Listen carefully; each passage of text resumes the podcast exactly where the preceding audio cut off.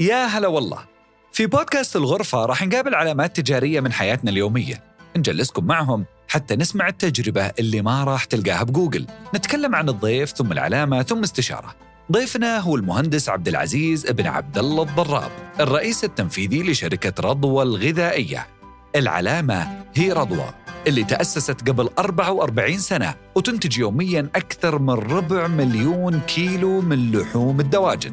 الاستشارة في هالحلقة عن تنافسية الدجاج المحلي والتسويق للمشاريع الصغيرة. وإذا سمعت معلومة بهالحلقة ذكرتك بواحد شارك معه رابط الحلقة على المنصة اللي يحب. هذه الحلقة برعاية مرنة حلول مالية رقمية. يا هلا وسهلا حياك الله أبو عمر. يا اهلتين هلا أبو خالد الله يخليك. أنا ودي أسألك بالبداية بس بطمن أنت راعي لحم ولا راعي دجاج في, في غداك؟ أنا آه ال- ال- أستهلك اللحم والدجاج ما عندي مشكلة فيهم إيه. لكن أفضل الدجاج.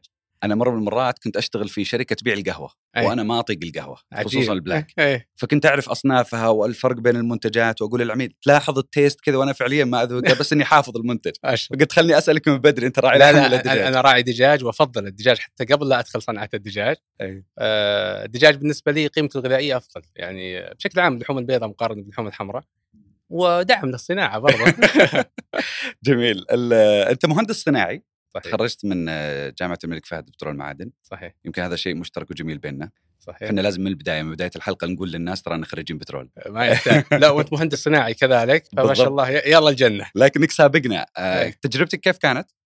آه، تجربة جميلة. آه، وثرية. جامعة بترول تخبر يعني آه، تجربتها جميلة التحديات فيها عديدة. آه، فالحمد لله. أنا لما قعدت أتأمل السي في آه، ما شاء الله تبارك الله يعني عين عليك باردة.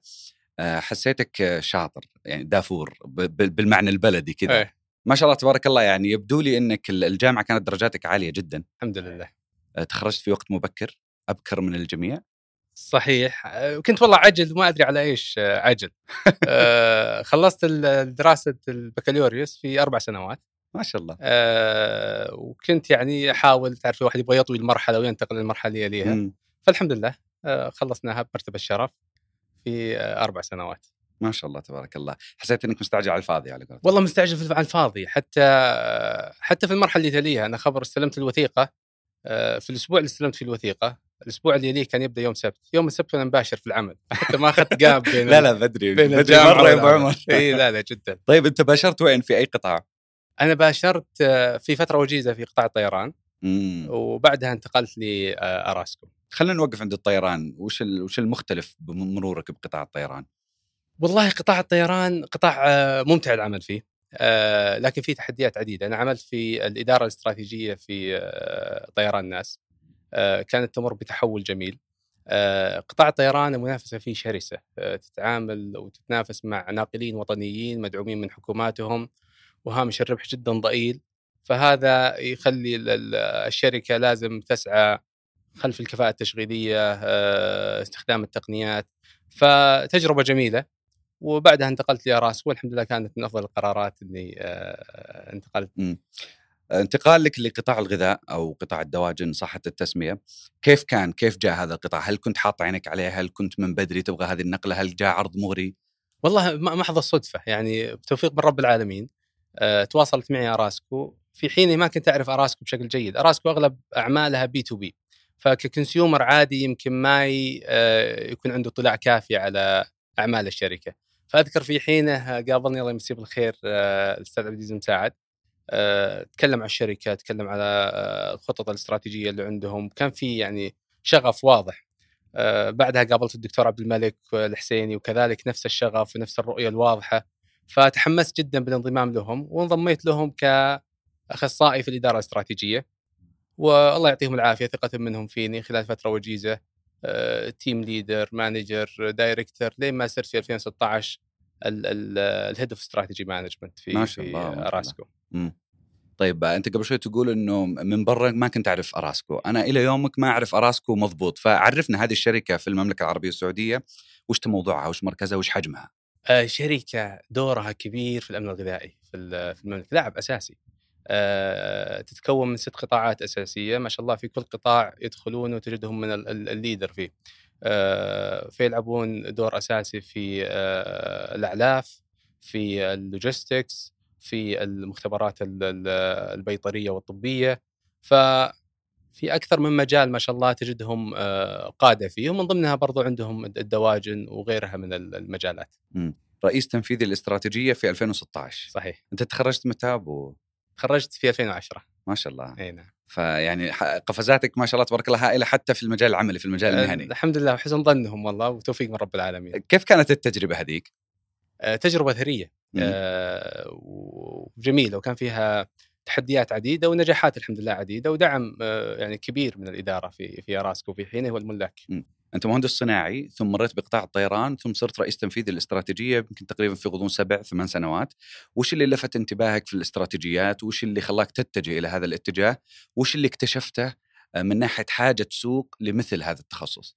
الاستراتيجيات أنا يمكنني شوي يعني منحاز للفكرة الاستراتيجية. أنا في ظني آه، هو أساس في كل شركة. آه، إذا صار في وضوح في الرؤية الاستراتيجية والإدارة الاستراتيجية بمفهومها الأشمل اللي هو التخطيط الاستراتيجي والتنفيذ الاستراتيجي.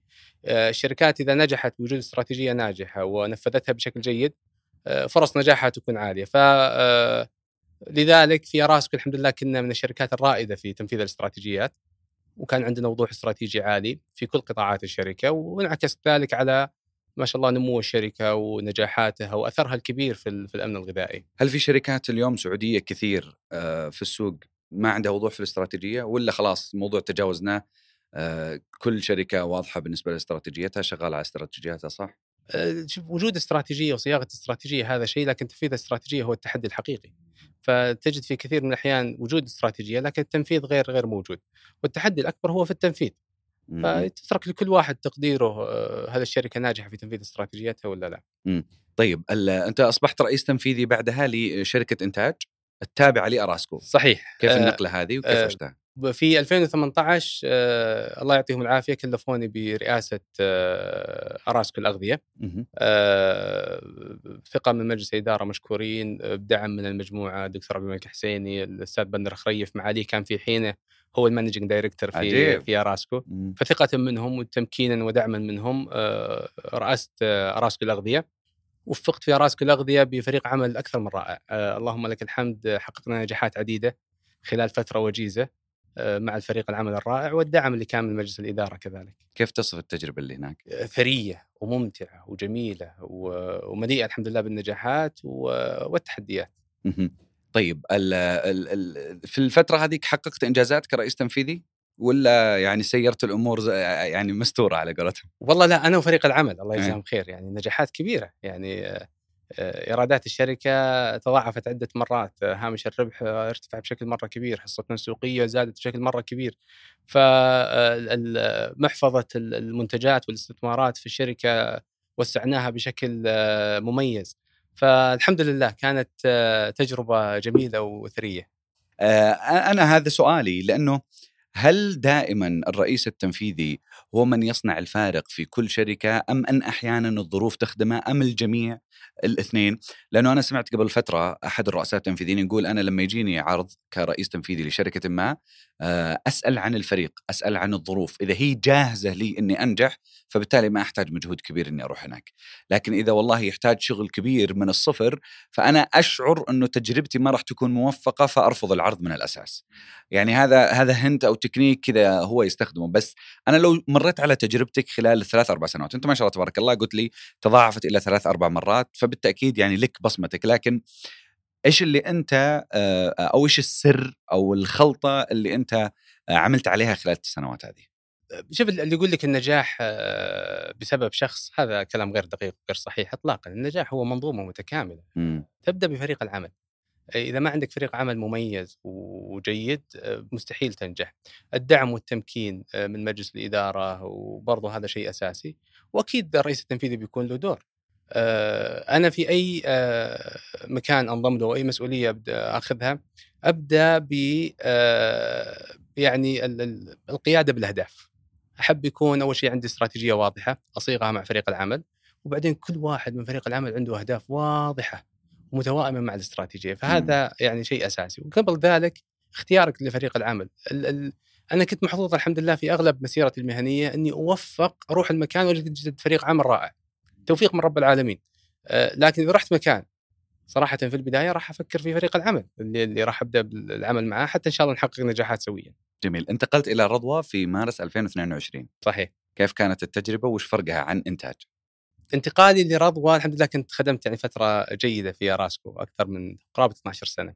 أه واراسكو اعتبرها بيتي يعني. أنا الحمد لله ما قصروا معي وإن شاء الله إني ما قصرت معاهم.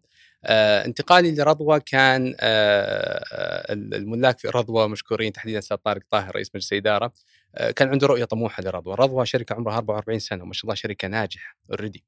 أه رئيس مجلس إدارة رضوى عنده رؤية طموحة بمضاعفة حجم الشركة، تعزيز دورها في الأمن الغذائي. و... فلذلك أنا استقطبوني مشكورين. والحمد لله انضميت لهم وخلال فترة وجيزة كذلك مع فريق العمل. اجين أرجع وأقول لك إني موفق برب يعني الحمد لله بفريق عمل جاهز. م. فجيت لرضوى وجدت فريق فريق عمل جاهز وحققنا معهم نجاحات جيدة في فترة وجيزة. طيب سؤالي الفرق بين التجربتين؟ يعني أنت سويت copy paste للي سويته في اراسكو لرضوى ضبطت معك؟ لا لا آه في اختلافات آه كل شركة لها ظروفها. فأنت أول ما تروح أي مكان جديد يبغى لك تحلل البيئة الداخلية، البيئة الخارجية، تشوف التحديات، تشوف الفرص، وكل شركة لها تحديات وفرص مختلفة وبناء عليها تنطلق باستراتيجية واضحة. فطبعا مختلفة رضوى عن عن أراسكو الاغذيه. جميل. آه لو التفتنا لدرجاتك العلمية يعني ما شاء الله تبارك الله أنت حققت قفزات مذهلة خلال أقل من 15 سنة تقريبا. آه أنت تخرجت بدري وأصبحت رئيس تنفيذي في وقت مبكر جدا في أقل من 30 سنة. انتقلت كذلك إلى شركة أخرى كرئيس تنفيذي في ذات القطاع. آه حصلت على درجتين ماستر. آه حصلت كذلك أو الآن يمكن جالس تدرس الدكتوراه في الاستراتيجية. صحيح.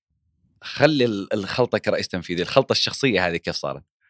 بطبيعتي ترى أحب يعني أوسع مداركي أقرأ أطور من نفسي. فيمكن هذا يعني شغف شخصي عندي. يعني أنا أبغى أعرف جدول يومك أبو عمر يعني إن لم يكن تطفلا إذا تسمح لي. لكن ما شاء الله تبارك الله هذه القفزات المكثفة خلينا نقول كيف قادر توصل لها؟ هل هو جين دي إن اي موجود عند المهندس عبد العزيز الضراب ولا في في في يعني في تكنيك معين؟ لا والله في ظني ما في تكنيك معين. يعني جدولي ملخبط ترى ومحتاج يعني. زي زي الله يطمنك ريح أموري تماما يعني. زي زي غيري يعني مرة. آه ففقط اللهم الواحد يمكن يجتهد يستغل بعض الأحيان أوقات فراغه بشكل أفضل. آه فقط ما ما في والله شيء شيء مميز. جميل. الدكتوراه في الاستراتيجية لسه ما أخذتها ترى يعني في, في الطريق إن شاء الله. يا الله يتممها يا رب. درجتين ماستر رئاسة تنفيذية هذه كلها أفهمها في نفس السياق. لكن برضو عندك شهادة بكالوريوس في الشريعة. ما شاء الله عليك. اعدادكم مو بسيط ما شاء الله. في الشريعة يا أبو عمر إيه. وش اللي وش اللي جابها؟ على بالك وليش حصلت على هذه؟ اولا ما شاء الله عليكم هذه مو موجودة لا بالسيرة الذاتية ولا في ال profile. آه والغرض آه هي شريعة من جامعة الإمام. آه والغرض إن ما هي موجودة في السيرة الذاتية إنه آه ما كان الغرض منها ال career progression التطور المهني. آه ثقافة عامة. آه فصراحه آه أضافت لي ثقافة عامة لكن كذلك أضافت لي عمليا. آه الشريعة أصول الفقه على القواعد الفقهية وفهمها تساعدك كثير في الجانب القانوني. أنا لست قانوني لكن صار عندي حس قانوني جيد أه وساعدتني كثير في عملي وثقافة عامة هذا الغرض يعني أنت أخذتها ثقافة عامة أو تدينا يعني. أو على أساس والله مثلا تواجهون بعض الإشكاليات الشرعية ذبح الحلال وغيره ولا لا, لا ما له علاقة شخصيه ثقافه عامة. يعني لو أرجع بالذاكرة وش السبب اللي خلاني أقدم على أه بكالوريوس الشريعة؟ إنه أنا أذكر مبكرا قرأت كتاب إحياء علوم الدين للغزالي وكتاب جميل بأربع مجلدات و... فبعد ما قريته وأثر فيني صراحة الكتاب اكتشفت بعدها فترة إنه أغلب الأحاديث اللي فيه موضوعة وضعيفة وحالته حالة. فحسيت إنه لا أحتاج منهجية واضحة في قراءتي. فرجع المهندس الصناعي فقلت لا أحتاج ستراكشر في في القراءة. فقلت ما لي إلا أخذ لي يعني شهادة. أخذتها انتسابا ترى في جامعة الإمام. وفادتني كثير صراحة في توسيع يعني فهمي وتعميق فهمي بهالجوانب. جميل، الخطوة القادمة وش هي أبو؟ والله نستمر على نفس الزخم. نفس المنوال. ربي يوفقك بإذن الله. فلسفتك بالعمل لو سألنا عنها أعطونا ميكس غريب قالوا لنا إن فلسفتك هي إنك تفوض وتدخل في التفاصيل. كيف؟ صحيح. أنا قلت لك بالبداية لازم فريق العمل اللي يعمل معاه أثق فيهم ويثقون فيني ثقة مطلقة، فأنا لما أثق في أحد أفوضه وأعطيه كل الصلاحيات يقوم بمهامه، لكن بطبيعتي آه، أحب أفهم التفاصيل. آه، أفهم التفاصيل في المصنع فتجدني يعني مطلع على حتى عمل المكاين وطريقتها أدخل فيها. آه، في العملية البيعية، في سايكل المشتريات، في في في المزارع وأفهم في فتجدني أدخل في التفاصيل وهذه تساعدني وتساعد الشباب إني أفهم تحدياتهم أكثر أكون قريب منهم لكن هم مفوضين وعندهم أهداف واضحة وأنا أتوقع منهم يحققون الأهداف وأحاول أدعمهم وأساعدهم وأمكنهم وأحفزهم باللي أقدر عليه. تنزل للسوق في ال weekend يا أبو عمر؟ اي أنا متعتي ترى. weekend هو weekend اسمه يا أبو عمر. لا أنا متعتي أنزل الأسواق تحديدا السوبر ماركت والهايبر ماركت والبقالات أشوف وضع المنتجات أشوف المنافسين وتحركاتهم و... فاستمتع في ذلك. أنا ما أعتبرها عمل أعتبرها جزء من المتعة يعني. بس بشكل عام في حياتك تقدر تفصل؟ work-life balance تفصل بين شغلك ما وبين لا ما ولا... تقريبا غير أصلا مؤمن. متعتك في شغلك؟ أنا لا يمكن ماني مؤمن بال work-life balance يعني. أوه. يعني ال work by itself إذا الله وفقك وعملت في مكان تحبه وتستمتع فيه آه، يصير جزء من من متعتك. ف يعني التوازن يمكن عندي شوي ما هو ما هو ذاك الشيء لكن آه، أستمتع في عملي كثير. حلو. أنت تقول إذا الله وفقك واخترت قطاع آه، أنت حابه أو متجه له. آه، وهذا صراحة يجيب على بالي فكرة البرستيج في اختيار في اختيار القطاع اللي أنت تعمل فيه. يعني أنا أذكر قبل فترة في الموسم الأول استضفنا سمنان. فكنت أسأل ضيفنا العزيز إنه يعني غالب شغل سمنان قريب جدا من مثلا شغل السباكه وشغل يعني هل أنتم من الأساس تشعرون إنه هذا القطاع بالنسبة لكم ما كان خطوة جيدة لو أخذته؟ فيه؟ قال بالعكس أنا والدي وعمي المؤسسين كانوا يحضرون تجمعات التجار واحد جواهرجي وواحد يشتغل في الألماس وواحد يشتغل كذا يقول هم يحضرون بملابسهم اللي اشتغلوا فيها في المكاين واشتغلوا فيها في الخزانات وكذا فخرا بهذه الصنعة. لو نقلت السؤال نفسه اللي أنت ذكرتني فيه على موضوع الدواجن هل يعني تعتبر إنه والله اختيارك للقطاع يحتاج شوية برستيج فالخطوه آه، هذه يعني ما خدمك فيها القطاع قطاع الدواجن ولا ما ما تشوف أصلا إشكالية في في الموضوع؟ والله شوف أنا أنا الدافع الشخصي لي هو الأثر، يعني م. أحب أعمل في مكان يكون في أثر ملموس. م. ففي القطاع اللي أعمل فيه الأثر جدا كبير على الأمن الغذائي آه، في البلد. فسبحان الله هذا هذا دائما يحفزني لما أجي أشوف آه، الجوب حجم خلق الوظائف اللي قاعدين نخلقه في القطاع. النمو اللي قاعدين نعمله آه، قطاع ضخم يعني الدواجن ككل فوق ال 30 مليار ريال تقريبا لو نظرنا للبياض مع اللحم مع كل شيء آه، سوق ضخم ينمو أمن غذائي أساسي فهذا اللي يحفزني و... إنك تستمتع إني أستمتع في في العمل مم. طيب دخلتنا أنت في القطاع قلت لي 30 مليار تقريبا إذا نظرنا للاحم وبياض وامات الدواجن وجدود الدواجن كل الدورة الإنتاجية آه، قرابة 30 مليار. م. أنا نوعا ما غير متخصص فما فهمت آه، إيش هو اللاحم، إيش هو البياض، أيه. إيش الفروقات بينهم؟ هل اللاحم أصلا هو بياض لكن في نهاية عمره ينقلب إلى لاحم؟ أعطينا نظرة عامة على القطاع، إيش اللي قاعد يصير في الدواجن؟ والله الدورة الإنتاجية في المملكة تبدأ مما يسمى في الشركات المتكاملة جدود الدواجن. آه، في ترى الدجاجة اللي تشوفها على الرف اليوم ترى جدادة لها أصل ونسب وسلالات وأصناف سلالة رص وسلالة كوب وأصناف وغيره. فتبدأ من جدود الدواجن. آه، دورة جدود الدواجن 60 أسبوع. بعدها آه، ننتقل لأمات الدواجن. دورتها كذلك 60 أسبوع. أمات الدواجن تنتج لنا الهاتشنج بيض التفقيس. يروح للفقاسة 21 يوم ينتج الصيصان. الصيصان تدخل في في التربية والتسمين ومن ثم المنتج هذا هو اللي يروح للمسلخ الآلي ومن ثم ينتج ويباع في الأسواق.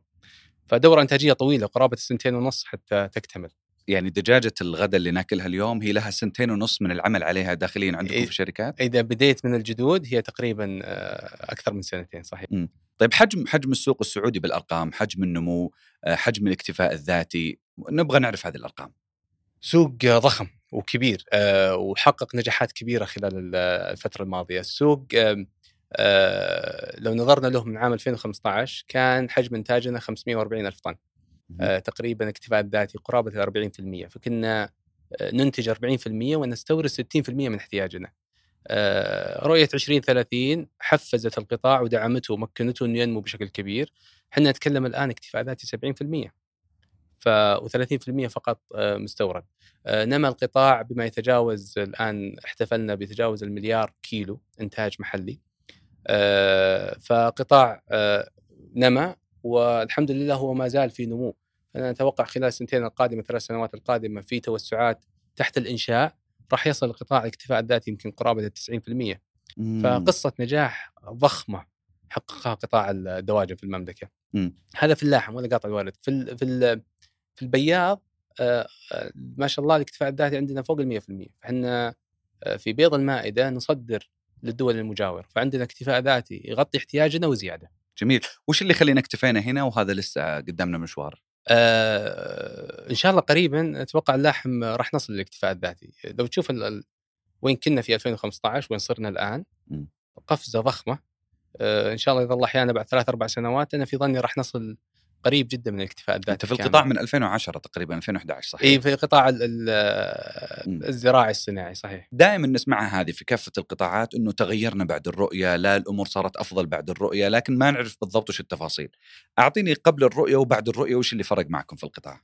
الكثير الكثير آه، دعم الجهات الحكومية ككل يعني صارت فيما مضى خلينا نقول بعد 2015 صار في شراكة حقيقية بين القطاع العام والقطاع الخاص، صار في تمكين. آه، مرجعيتنا وزارة البيئة والمياه والزراعة ما في تحدي نواجهه إلا آه، يبادرون في تذليل المعوقات. آه، وضوح في الرؤية، وضوح في الاستراتيجيات. فكل هذا أدى للنجاح الكبير الحمد لله اللي حققناه كقطاع خلال الست سنوات الماضية. آه يمكن أبرز حدث صار وذكرتني فيه أنت لما قلت تكامل بين القطاع الحكومي والقطاع الخاص كورونا. كورونا كنا نشوف آه الأستاذ عبد الرحمن الحسين متحدث وزارة التجارة يطلع بكل ثقة في المؤتمرات الصحفية ويقول يا جماعة لا تشيلون هم أسواقنا في أمان، السلع متوفرة، البضائع متوفرة وغيرها. مثلا الدواجن من القطع أو من السلع الأساسية في, في الأسواق. صحيح. إحنا نعرف إنه هذا ما حصل. ويمكن لو قارنا برا مثلا في الرفوف بريطانيا ولا في الولايات المتحدة الأمريكية كنا نشوف المقاطع من ناحية الهلع اللي موجود عند المستهلكين في الأسواق. شفنا هذا الشيء بس ما نعرف كيف صار هذا الشيء. أنت واحد شغال خلف الكواليس، كيف شفت المشهد؟ كيف صار هذا المشهد؟ والله قصة نجاح اللي حصل في كورونا آه الحمد لله المواطنين والمقيمين في المملكة مثل ما تفضلت آه تروح للأرفف في السوبر ماركت تجد تنوع ووفرة في كل المنتجات الغذائية ومن ضمنها الدواجن لم يكن آه صدفة آه وهذا نتيجة في تقديري تعزيز الأمن الغذائي اللي حصل. يعني لما يقول لك في الدواجن نمينا من 40% إلى 70% النمو في الاكتفاء الذاتي خلانا نتجاوز آه، الصدمات اللي تجي. آه، الأمر الثاني سرعة الاستجابة من الجهات الحكومية. أنا أذكر كانت فترة صراحة تجربة تجربة ثرية وتحدي كبير اللي مرينا فيه كقطاع خاص وقطاع عام في أزمة كورونا.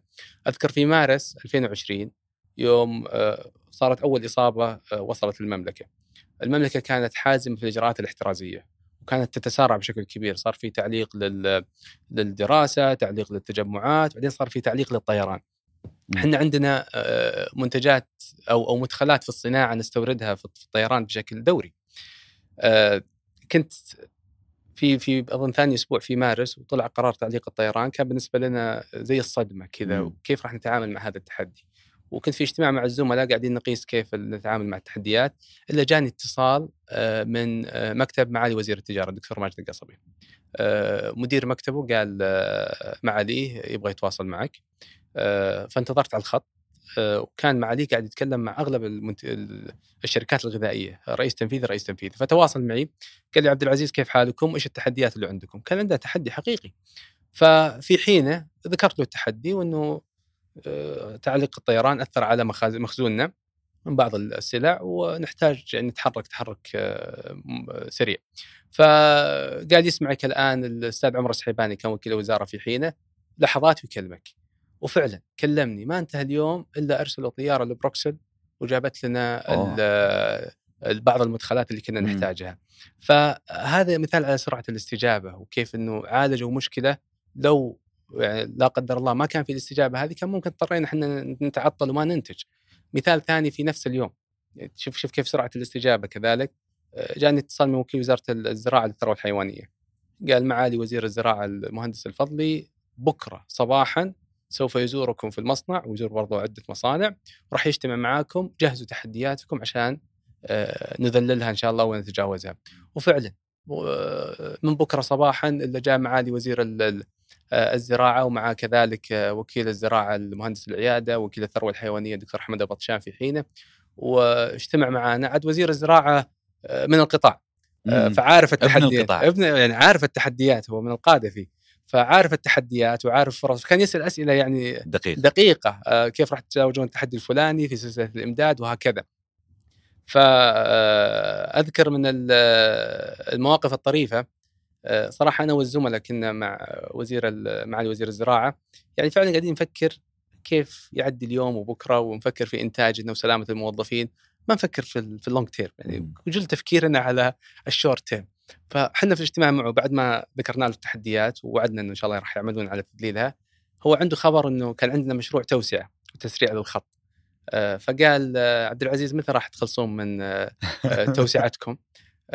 قلت له معاليك إن شاء الله الخطة كانت خلال ستة شهور وكنت ناوي أعقب أقول له مع التحديات الحالية أكيد بتزيد. فقلت له الخطة خلال ستة شهور فكان قاطعني قال ستة شهور كثير. لسه ما سمينا. يعني مرة. وحنا في وضع يعني الأزمة تعليق للطيران الحركة البحرية متعثرة ما ندري إيش الظروف. فقال لي ستة شهور كثير. وهنا صراحة آه، فيها درس يعني آه، كان لي وللزملاء. آه، وفعلا مع التحديات تخلق الفرص. أنا أذكر في المشروع هذا تحديدا استطعنا نخلصه قبل ست شهور. كان في معدات بتجي من هولندا. في العادة يجون المهندسين الهولنديين هم اللي يعملون ال installation والتركيب آه. وغيره. نظرا لأنه طيران معلق فاضطروا الهولنديين بتدريب فريقنا اونلاين فدربوا في الفنيين اللي عندنا. الفنيين عندنا صار عندهم خبرات إضافية وركبوا المعدات قبل الوقت وقدرنا نسرع الخط قبل الوقت. ف يعني هذه من القصص اللي تبين لك سرعة الاستجابة. أرجع وأقول النجاح اللي حصل في الأمن الغذائي في كورونا هو في شغلات تعزيز أمن غذائي له فترة قاعد يتم وفي سرعة استجابة. فنجاح نجاح كبير والحمد لله نفخر إننا كنا جزء من هالمنظومة. وزارة زراعة ووزارة تجارة والله حتى تجزء. حتى بقية الوزارات يعني وزارة الصناعة آه، كان على تواصل مستمر معنا آه، ما في تحدي والله نرسل لهم إياه إلا خلال 24 ساعة يذلل التحدي. وكانت تحديات كبيرة و... وعظيمة. لكن اللهم لك الحمد آه، تجاوزناها وأثرها شافه المستهلك والمواطن والمقيم آه، في في في أزمة كورونا. حلو في أزمة قريب صارت ودائما نشوفها في الأخبار على موضوع الذرة، الحبوب، أوكرانيا، آه، تركيا حاولت تتدخل تحل الموضوع ما ضبطت الأمور، يعني الأخبار الاقتصادية الأيام هذه كلها عن أزمة حرب روسيا وأوكرانيا وأثرها على موضوع الحبوب والقطاع الزراعي. أحسنت. إحنا متأثرين هنا في المملكة العربية السعودية بالموضوع هذا؟ الحمد لله ما تأثرنا والدليل نشوف الحمد لله سلاسل الإمداد والأمن الغذائي في المملكة قوي لكن هذا مثال جميل كذلك على سرعة الاستجابة. آه، في فبراير العام الماضي بدأت الأزمة الأوكرانية الروسية، روسيا وأوكرانيا من أهم الدول المصدرة للحبوب. آه، إيش عملت المملكة؟ آه، وزارة البيئة والمياه والزراعة طبعا القطاع التجاري في الغذائي في المملكة قطاع ربحي فتجد إنه ما نبني مخزون كبير من الذرة والصويا لأنه المخزون تكلفة فتجد عندها مخزون 30 يوم 45 يوم فجت وزارة البيئة والمياه والزراعة عن طريق صندوق التنمية الزراعية حفزت الشركات المستوردة وقالت أنا أعطيكم قرض حسن اشتروا كميات كبيرة من الذرة والصويا والمدخلات خزنوها عندكم وأنا راح أعطيكم القرض الحسن. حتى يصير عندنا خزن كبير استراتيجي. هذا فادنا كثير. آه، شفناها في كثير من الدول المجاورة. آه، صار عندهم آه، نقص في الإمدادات المدخلات والسلع الأساسية. إحنا في المملكة بالعكس كان عندنا فائض من هذه المدخلات بسبب التدخل السريع المناسب في الوقت المناسب فكل هذه يعني قصص اللهم لك الحمد آه، نجاح في في منظومة الأمن الغذائي. لو ما حصل هذا التدخل كان يعني بنشوف أسواقنا فيها يعني فيها آه، فوضى نوعا ما؟ كان بيصير فيها تحدي ما في شك. طيب آه، إنفلونزا الطيور. أنا جالس أستذكر بس الأزمات والمشاكل اللي صارت في هذا القطاع. إنفلونزا الطيور ما أعرف يعني قبل كم سنة يمكن 10 15 سنة صحيح. ولا أعرف إذا أنت لاحق عليها في القطاع أو لا بس هل أثرت علينا بشكل كبير؟ آه، طبعا الأوبئة في في صناعة الدواجن آه، من أكبر المخاطر. صارت طبعا خبر إذا إذا ما خانتني الذاكرة في تفشى المرض يمكن في 2008 والمملكة تعاملت معه بشكل جيد. تفشى مرة أخرى يمكن في 2016 2017 وكذلك المملكة تعاملت معه بشكل جيد.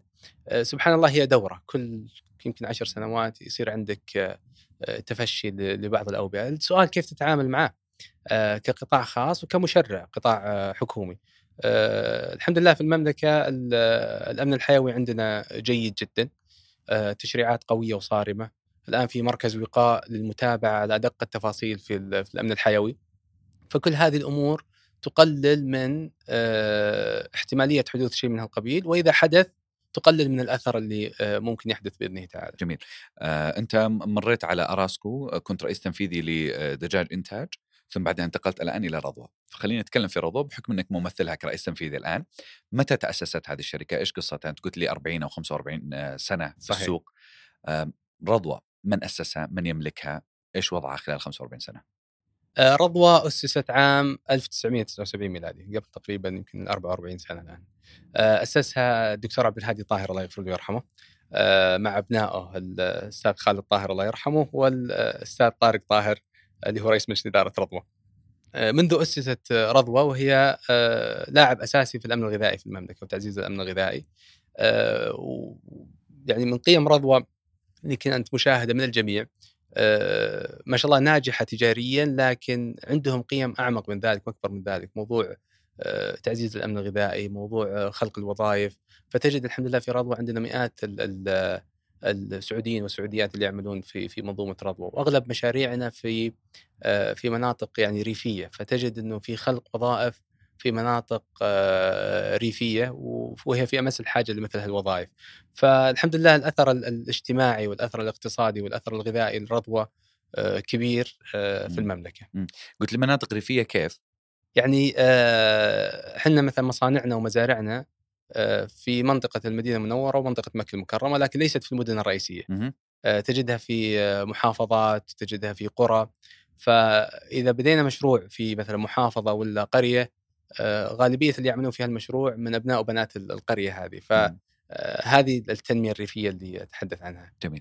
آه أنا صراحة ما أطبخ ولا أشتري دجاج، آه يمكن مؤخرا أبدأ أشتري دجاج أتقضى البيت، لكن آه قبل ما أطلع من البيت سألت الوالدة قلت لها ما وش رأيك بدجاج رضوى؟ قالت يا أخي أسعارهم غالية.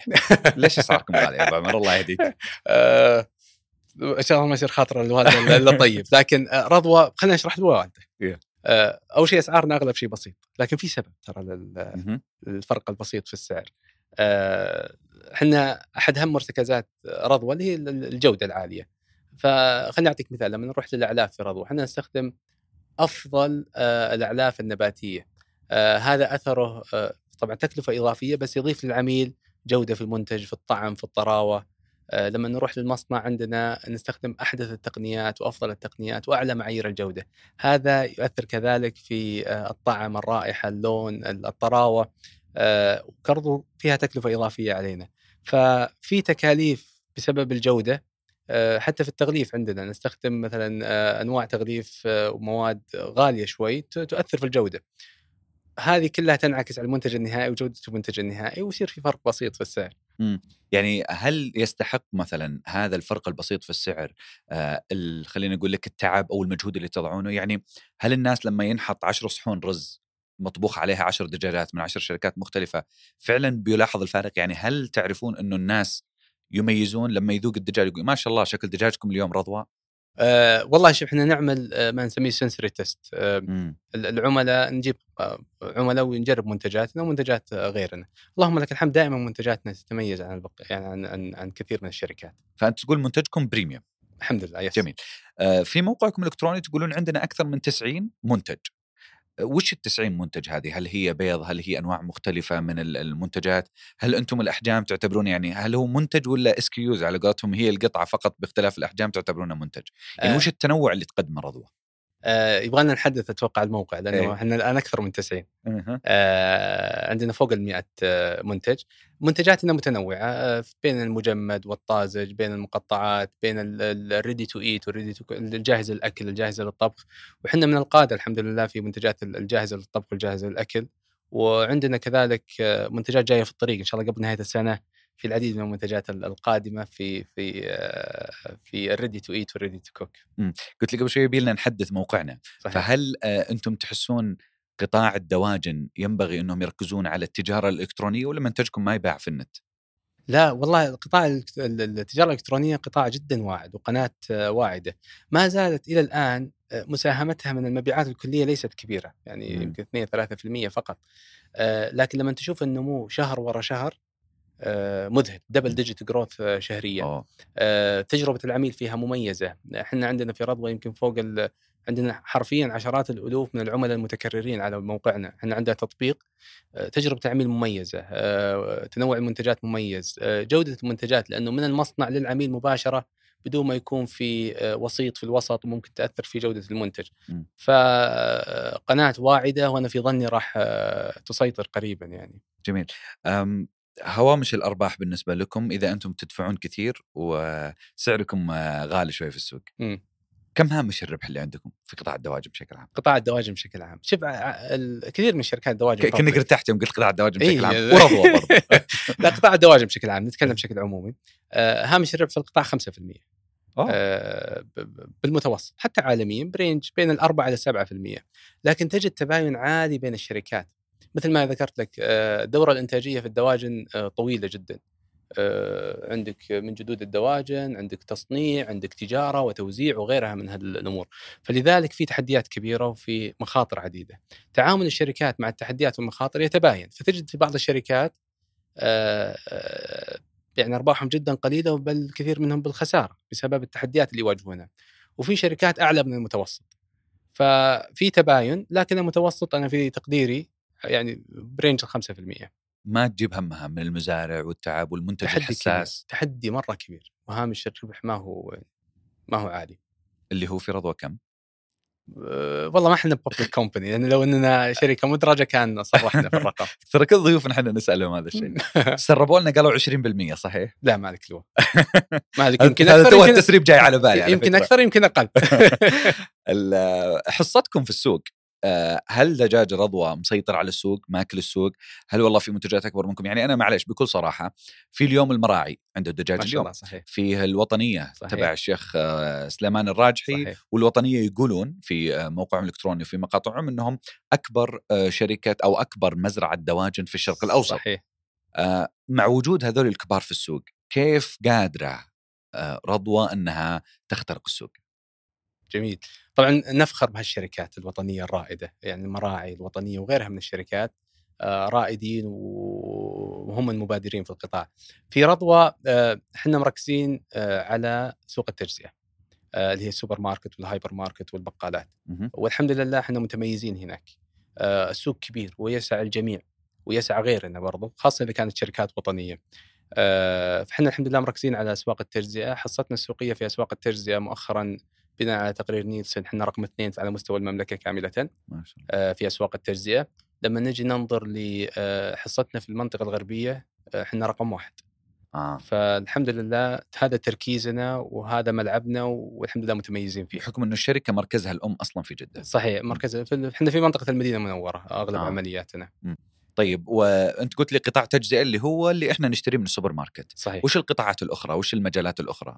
B2B ولا آه، كيف؟ أحسنت. قطاع الإعاشة المطاعم آه آه. وغيرها الهوريكا بشكل عام. مم. طيب آه، أنتم ليش ما استهدفتوا الهوريكا؟ لأنه بالك كذا وتقدر تبيع يعني ب- ب- بنسب أكبر. صحيح. هو آه في تقديري يعني أنه أسهل إنك تبيع في الهوريكا. آه لكن آه على المدى الطويل آه قد لا يكون آه من أفضل الخيارات. مم. لما تبني علاقة مع الكونسيومر النهائي ويعرف منتجك وجودته آه، العلاقة تكون مستدامة آه، ربحية الشركة مستدامة فهذا تركيزنا إحنا ويمكن أنتم. تستهدفون الجودة يكون صحيح. الطعام لذيذ جدا فبالتالي يمكن غالب مثلا الأماكن اللي فيها إعاشة أو ضيافة أو تقديم بشكل كبير ما يهمهم ما يهمهم الجودة آه، يهمه يقدم آه، صحيح. ما نعمم بس الغالبية فعلا يهم السعر أكثر من ال... مم. مم. طيب أنتم توصلون لكل مناطق المملكة يس يعني كم عندكم نقطة بيع؟ إحنا عندنا حاليا أكثر من 4000 نقطة بيع. آه. نخدمها بشكل يومي. أسطولكم الخاص؟ أسطولنا الخاص.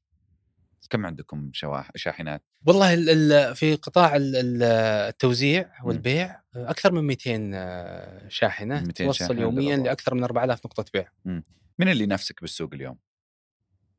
والله السوق يعني كبير ويسع الجميع. آه، ممكن المنافسة أقسمها قسمين. في منافسة المنتج المحلي وفي منافسة المستورد المنتج المحلي منافسة شريفة عادلة.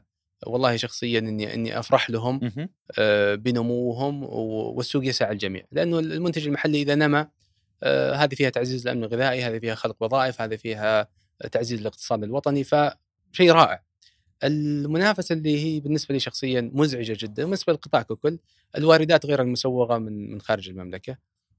بتيجي عندنا تنافسنا بطريقة غير جيدة المعايير اللي يعتمدون عليها أقل من المعايير اللي إحنا عندنا ف شلون؟ يعني ال ال ال هل في خلينا نقول لك إغراق من ال- الم- المنتجات المستوردة؟ يعني هل نستورد أكثر مما يجب؟ هل في تساهل مع الاستيراد آه، باشتراطات ما هي مطبقة أو اشتراطات يطبق أعلى منها في في في المحلي؟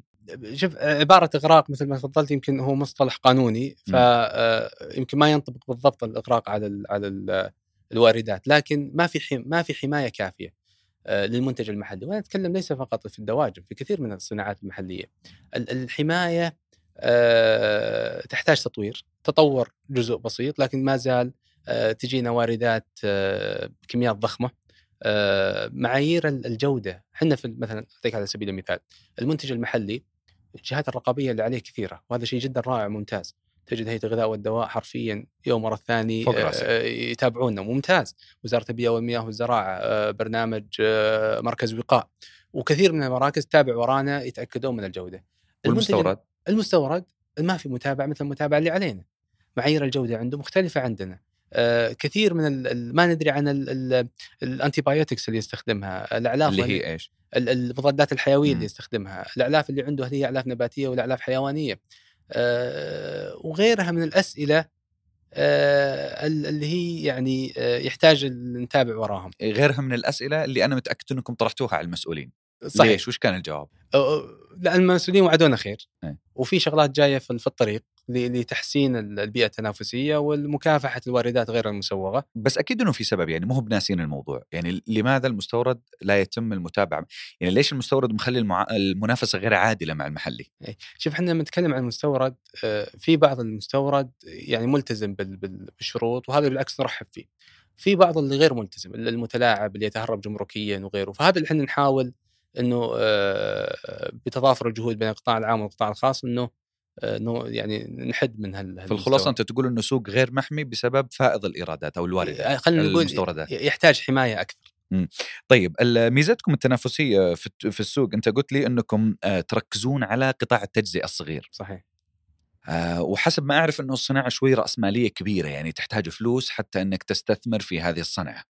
لما أنتم تدخلون في القرى وفي المحافظات وعندكم أربعة آلاف آه، يعني آه، نقطة بيع هل نقدر نقول إنه بهذه الطريقة الشركات الكبرى ستقتل محلات وفروع ومزارع الدواجن الصغيرة في القرى والمحافظات اللي عنده فقاس اللي عنده مزرعة بسيطة فتح له محل يبيع بيض وإلى آخره؟ هل لهم مكان؟ لا يزال لهم مكان؟ التجار الصغار في تقديري لهم مكان. آه، والعلاقة تكاملية بين الشركات آه، ال- اللي عندها مسالخ آلية وأتمتة عالية وال- والمزارعين الصغار.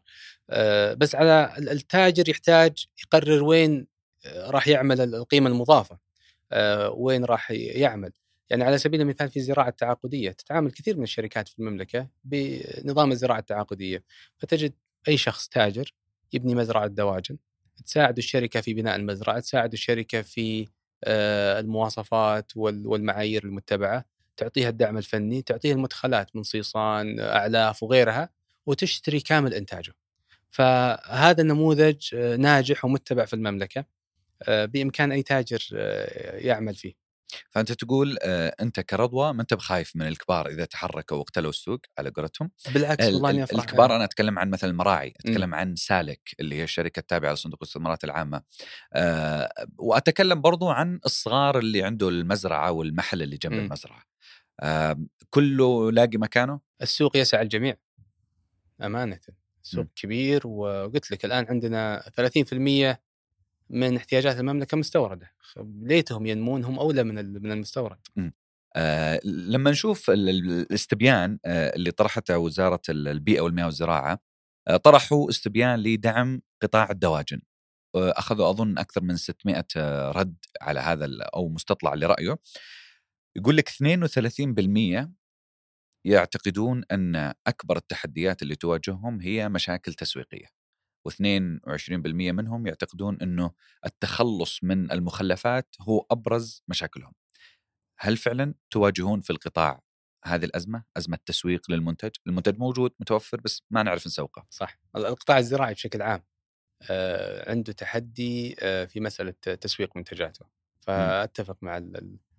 الاستفتاء تماما آه، الصراحة للأمانة ببالي سؤال يعني جاء على بالي سؤال لما تذكرت دعايات ال- الدواجن. آه، أكيد حيواجهون مشاكل تسويقية لأنه دعايات الدواجن والدجاج والجبن وأي منتج تشوفه بالمطبخ نفس الدعاية بنفس الطريقة بنفس الأسلوب من 40 45 سنة. أي. تتفق معي ابو عمر ولا لا؟ يعني صحيح. آه، الأم تطبخ الولد جاي من المدرسة ثم يقول أكلنا لذيذ طعمنا ألذ جودة أحلى. صحيح. هو نفس نفس الطريقة. وش وش السر في إنكم تكررون نفس الدعاية؟ وأنتم ما كررتوا نفس الدعاية إلا إنه في نجاح قاعد تجيب نتيجة. أي. بس السؤال إذا تواجهون مشاكل في التسويق وش السر إنه الدعاية نفسها من 40 سنة؟ والله شوف أنا لست متخصص في التسويق لكن آه، في تقديري آه، الغرض من الدعاية هو آه، رفع الوعي لل- للعلامة التجارية. وبطبيعتها الدواجن وحتى المنتجات ال- الغذائية الأخرى سلع أساسية. السلع الأساسية ال- ال- شلون أقول ال persona تبع ال- ال brand ال- ال- شخصية ال brand يجب تكون شخصية رسمية. فما يمديك تخرج خارج الصندوق كثير فأنت ودك تخلق آه، وعي للعلامة التجارية يكون عندك reason to buy معين تقوله للعميل سبب إنه يشتري منك آه، وتساعده في ال conversion تعطيه call to action إنه يشتري منتجك. فال ال فما نحاول صراحة نخرج كثير عن ال ال ال ال ال الصندوق بسبب آه، شخصية ال brand يعني. امم وبسبب إنها سلعة أساسية فأنت ما انت ما أنت محتاج تبذل مجهود بس يحتاج إنك تذكر إنك موجود. لا التسويق مهم يجب أن تبذل مجهود مجهود مم. كبير. مم. آه، لكن الرسالة كيف تقولها بطريقة معينة آه، عاد أهل ال marketing هم طيب. البيع عن طريق الوسطاء آه، اللي أنا أتكلم عنه في قطاع التجزئة اللي هم السوبر ماركت المحلات وغيرها. أنا أتذكر اشتغلت في واحدة من شركات ال FMCG وقعدت فيها سنة اكتشفت إنه في حرب طاحنة. خفية بين السوبر ماركت وبين الموردين وبين الشركات المتنافسة وإنهم يأجرون عليك ال shelf نفسه الرف آه، الرف اللي في مستوى العين أغلى من الرفوف اللي تحت. صحيح. أنتم منتجكم طازج فأنت محتاج حركة أكبر. أبغاك تعطيني جزء من أسرار هذه الحرب اللي قاعدة تصير في في رفوف السوبر ماركت آه، يمكن كلمة حرب كبيرة لكن لكن أتفهم اللي تفضلت فيه. آه، آه، ما نعمم بس آه، آه، كثير العلاقة بين الموردين والأسواق المركزية اللي هي السوبر ماركت والهايبر ماركت آه، فيها فيها توتر. لا نعمم لكن مع كثير منهم فيها فيها توتر. العلاقة ليست في تقديري ما هي win win يعني ليس كل الطرفين يعني يأخذون نفس الحصة من النجاح. فمثل ما قلت لك إحنا في قطاع الدواجن هامش ربحنا 5% آه، بينما ال retailer ياخذ هامش ربح لما تنظر لل front margin وال back margin وال opening fees وال listing fees وغيرها من التكاليف اللي تفضلت فيها إيجار الرف وغيره تجد إنه ياخذ هامش ربح أعلى بكثير من اللي أنا أخذه. طيب أنا ال- ال- القيمة المضافة اللي قاعد أقدمها للقطاع لل- للعميل كبيرة جدا أنا لي سنتين وأنا قاعد اربي هالدجاج ف وأنت حطيتها على رفك فتحطها وتاخذ هامش ربح أكثر مني أنا لا أعمم يقول بعضهم آه، وبنفس الوقت يطلب منك رسوم على كل صغيرة وكبيرة بنفس الوقت أنت عليك الرجيع وبنفس الوقت ما يعطيك فلوسك كاش يقعد آه، بعضهم 45 يوم بعدين يرجع لك فلوسك. فأنا أتفهم بعض الموردين لما آه، يتشكون من هيمنة الأسواق المركزية. مم. لأنه فعلا آه، تحدي وقاعدة تزيد هيمنتهم. لكن إن شاء الله مع الوقت تصير العلاقة متوازنة. يعني نتمنى لهم الخير نتمنى لهم النمو والنجاح. لكن ضروري إن الجميع يكون في علاقة وين وين بينهم بين الموردين وعلاقة مستدامة مع الموردين يعني أشوفك في السؤال هذا صرت تفضفض يا أبو عمر ف لا تحدي هو صحيح بإذن الله الجميع كاسب. آه سألتك أنا عن ال- ال- المزارع حقتكم وقلت لك كذا نشوفها مثلا أو كذا حتى نقدر نستلم بعض الأسئلة قلت you are not welcome to visit us غير مرحب فيني إني أزوركم. وش. ليش؟ أه، لكم كل لا. لا لا you are welcome تيجي مكاتبنا على العين والراس وبالعكس نفرح فيكم. آه، مزارع مثل ما قلت لك الأمن الحيوي آه، يعني أساس في في عملياتنا في الدواجن ككل. الدجاج بطبيعته منتج حساس لو لا قدر الله واحد دخل و ولو معه فيروس بسيط تجد الأثر يمكن يقضي لك على دورة إنتاجية كاملة مثلا. في الأمات 60 أسبوع عشرات الملايين راح أخسرها بسبب دخول فيروس فحتى لا زارنا أحد تجد ناخذ التاريخ آه، آخر أسبوعين هل زرت أي مزرعة؟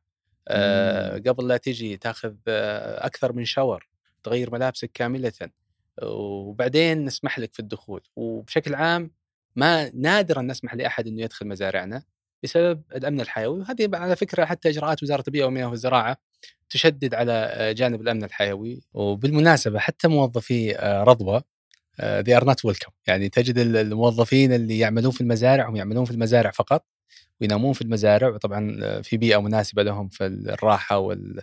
ويقعدون 30 يوم في المزرعة وبعدها ياخذون إجازة مدتها أسبوعين. ف فنحاول يكون الموضوع مغلق ومحدود على عدد بسيط من الموظفين. فلا تزعل مننا يوم قلنا لك you are not welcome آه، أقصد. لا لا لا. وأنت. يعني برضو أنا ودي أدخل في العمق أكثر في المزارع.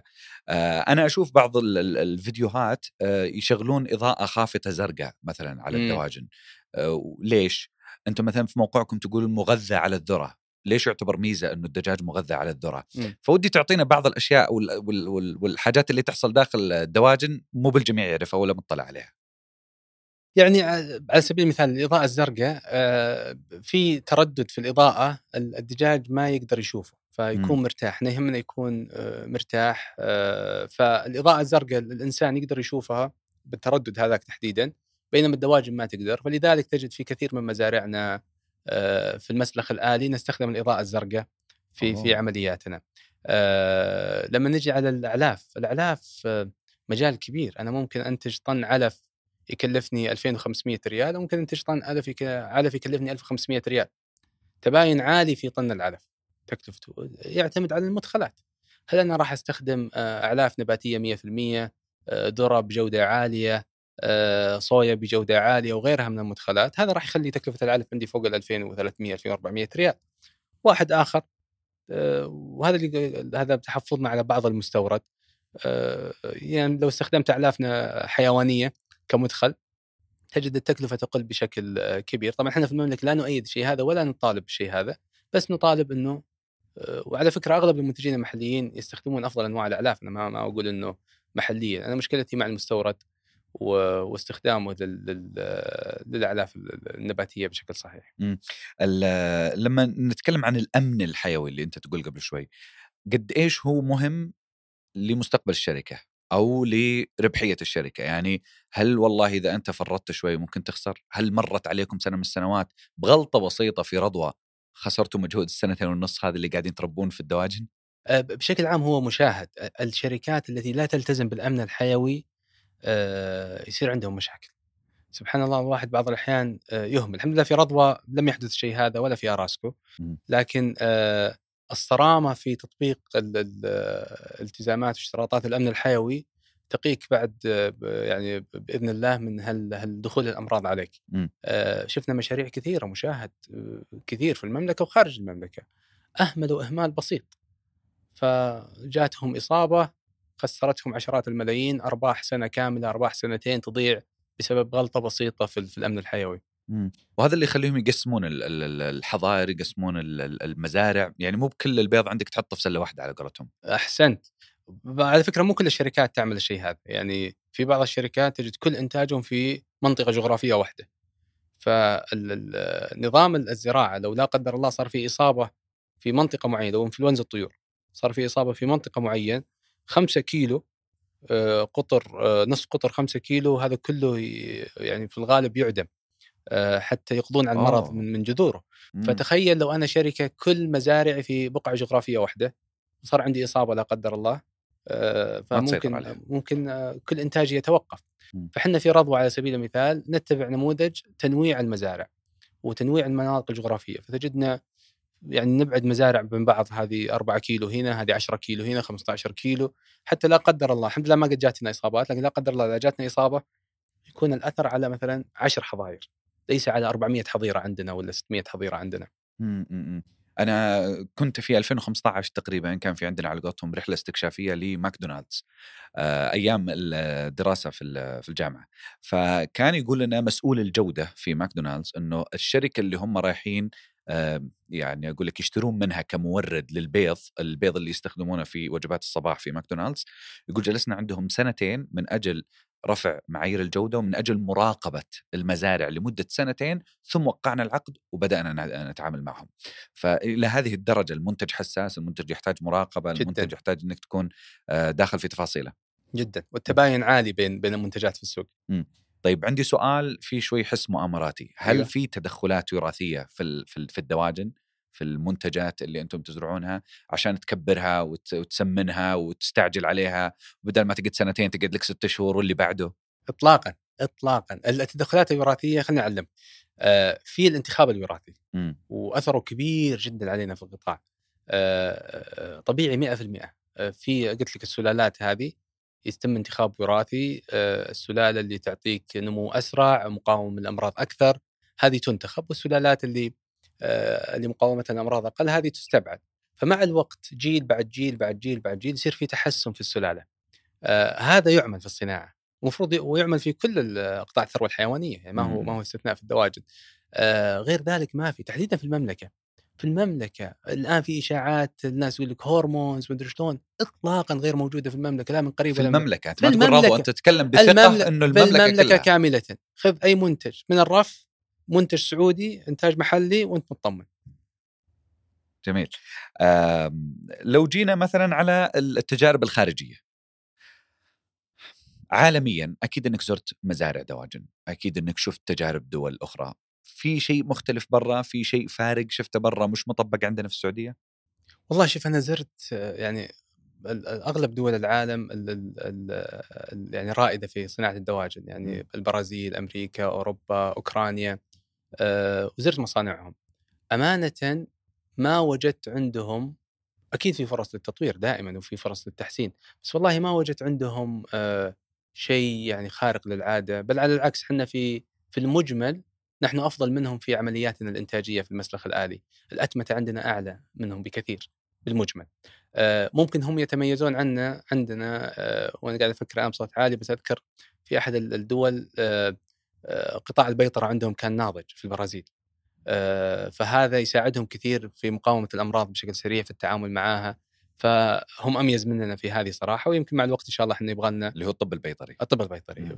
مع الوقت إن شاء الله إحنا نكون كذلك قريبين منهم أو أحسن منهم. طيب. لكن بالمجمل إحنا إحنا قطاعنا الحمد لله متقدم. قبل لا أروح لدور الحكومة آه، بلخص قطاع الدواجن. أنت قلت لي الدواجن هي عبارة عن زراعة وصناعة وتجارة. إحنا مارين على المكس هذا الثلاثي كله. صحيح. وش المعادلة الصعبة في, في أو وش الطرف اللي تعتقد إنه مصعب المعادلة؟ والله الدورة الإنتاجية طويلة يعني مثل ما ذكرت لك آه، تبدأ من جدود الدواجن آه، دورة طويلة تحديات في الدجاج الحي والأمراض وغيره. تجيك في آه، عندنا مصانع مصانع أعلاف مسالخ آلية مصانع لمصنعات لحوم الدواجن ال burgers ال nuggets ال franks ففي عملية تصنيعية برضو وقيمة مضافة فيها.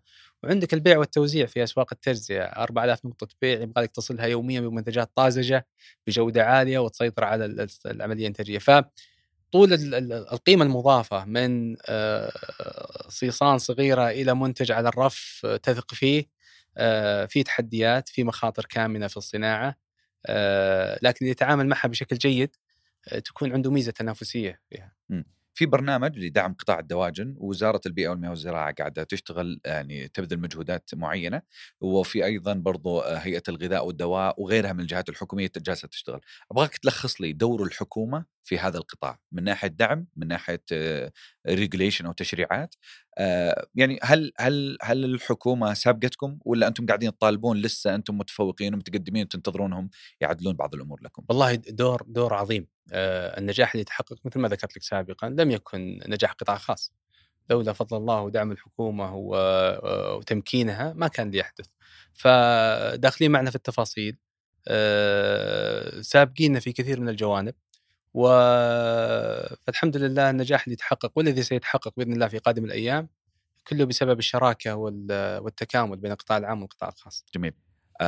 الصراحه في عندي سؤال طريف آه، في ظاهر وطريف آه، لكن أعتقد إنه يحتاج إجابة حقيقية أسلم ما هو دور الدجاج في تحقيق رؤية المملكة 2030 إيه. بكل صراحة طبعا صناعة الدواجن زيها زي الصناعات الأخرى في المملكة آه لاعب أساسي في يعني رؤية 2030 آه، أحد محاورها اقتصاد مزدهر مم. آه، تمكين القطاع الخاص نمو القطاع الخاص فتجد صناعة الدواجن لها دور في آه، رفع الناتج المحلي لها دور في رفع المحتوى المحلي تقليل عجز الميزان التجاري إحنا في الدواجن مثلا آخر خمس سنوات قللنا لا يقل عن 4 مليار ريال في عجز الميزان التجاري كقطاع في قادم الأيام مع التوسعات الحاصلة يمكن 5 مليار أخرى راح يصير في تقليص في عجز الميزان التجاري في المملكة. آه، تعزيز الأمن الغذائي فكل هذه أمور يساهم فيها آه، قطاع المنتجي الدواجن بشكل أو في آخر في رؤية المملكة 2030. و- وال- واللي نعرفه إنه مستهدف ضخ 17 مليار تقريبا خلال هذه الفترة حتى نصل إلى 80 و90% من الاكتفاء الذاتي خلال سنة سنتين ولا؟ إي لو تنظر للاستثمارات الرأسمالية قاعد تقوم فيها شركات الدواجن خلال السنتين الماضية والثلاث سنوات القادمة أنا في ظني تتجاوز ال 15 مليار ريال 17 مليار ريال. مستقبل الصنعة. واعد جدا آه لما تجي تنظر للنمو في السكان في المملكة آه ضخم إحنا الحين عدد سكان يمكن 33 مليون على 2030 يمكن 50 مليون. نمو السكاني معناه استهلاك أكبر وأكثر. لما تجي تنظر لاستهلاك الفرد استهلاك الفرد في تزايد مع ارتفاع الوعي الصحي الناس تتحول من الكربوهيدرات للبروتين. في البروتين الناس تتحول للحوم البيضاء أكثر من اللحوم الحمراء. فهذا معناه زيادة في استهلاك اللحوم البيضاء بشكل عام في المملكة. هذا برضو مؤشر إيجابي في في صناعة الدواجن. آه، استهلاك بيض المائدة. إحنا ما زلنا في بيض المائدة أقل من المعدل العالمي في كاستهلاك فرد. ففي ظني مع الوعي الصحي راح يرتفع. فكل هذه مؤشرات وكل المحللين على فكرة مم. يشوفون قطاع الدواجن في المملكة قطاع واعد جدا. إحنا ثالث مستهلك ثالث مستهلك عالميا للدواجن في المملكة.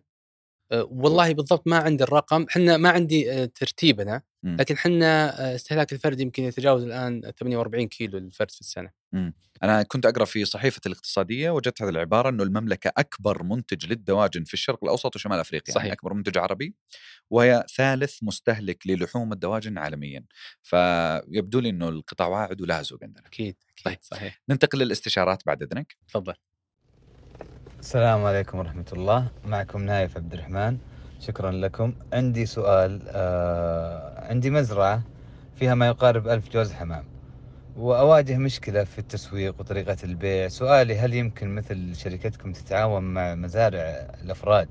مثلا أن نوفر لكم الحمام سواء حي أو مذبوح والشركة تولى التغليف والبيع منها.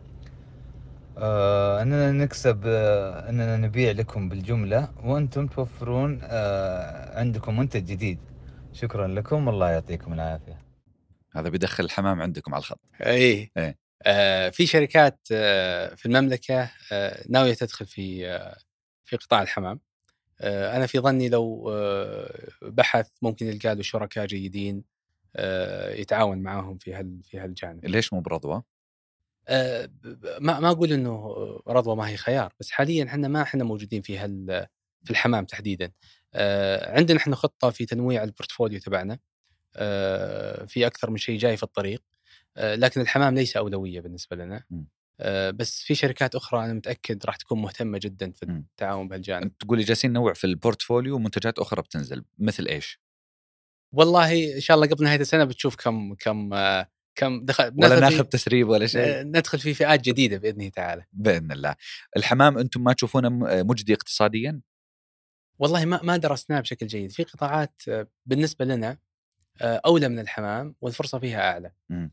آه، فقاعدين مركزين على هذيك القطاعات جميل. السؤال اللي بعده معكم فهد رميح المدير التنفيذي لمؤسسة النادل آه، سؤالي للمهندس عبد العزيز نحن في آه، المطاعم آه، نحتاج الدجاج بدون عظم بكثرة سواء كان دجاج كامل أو صدور.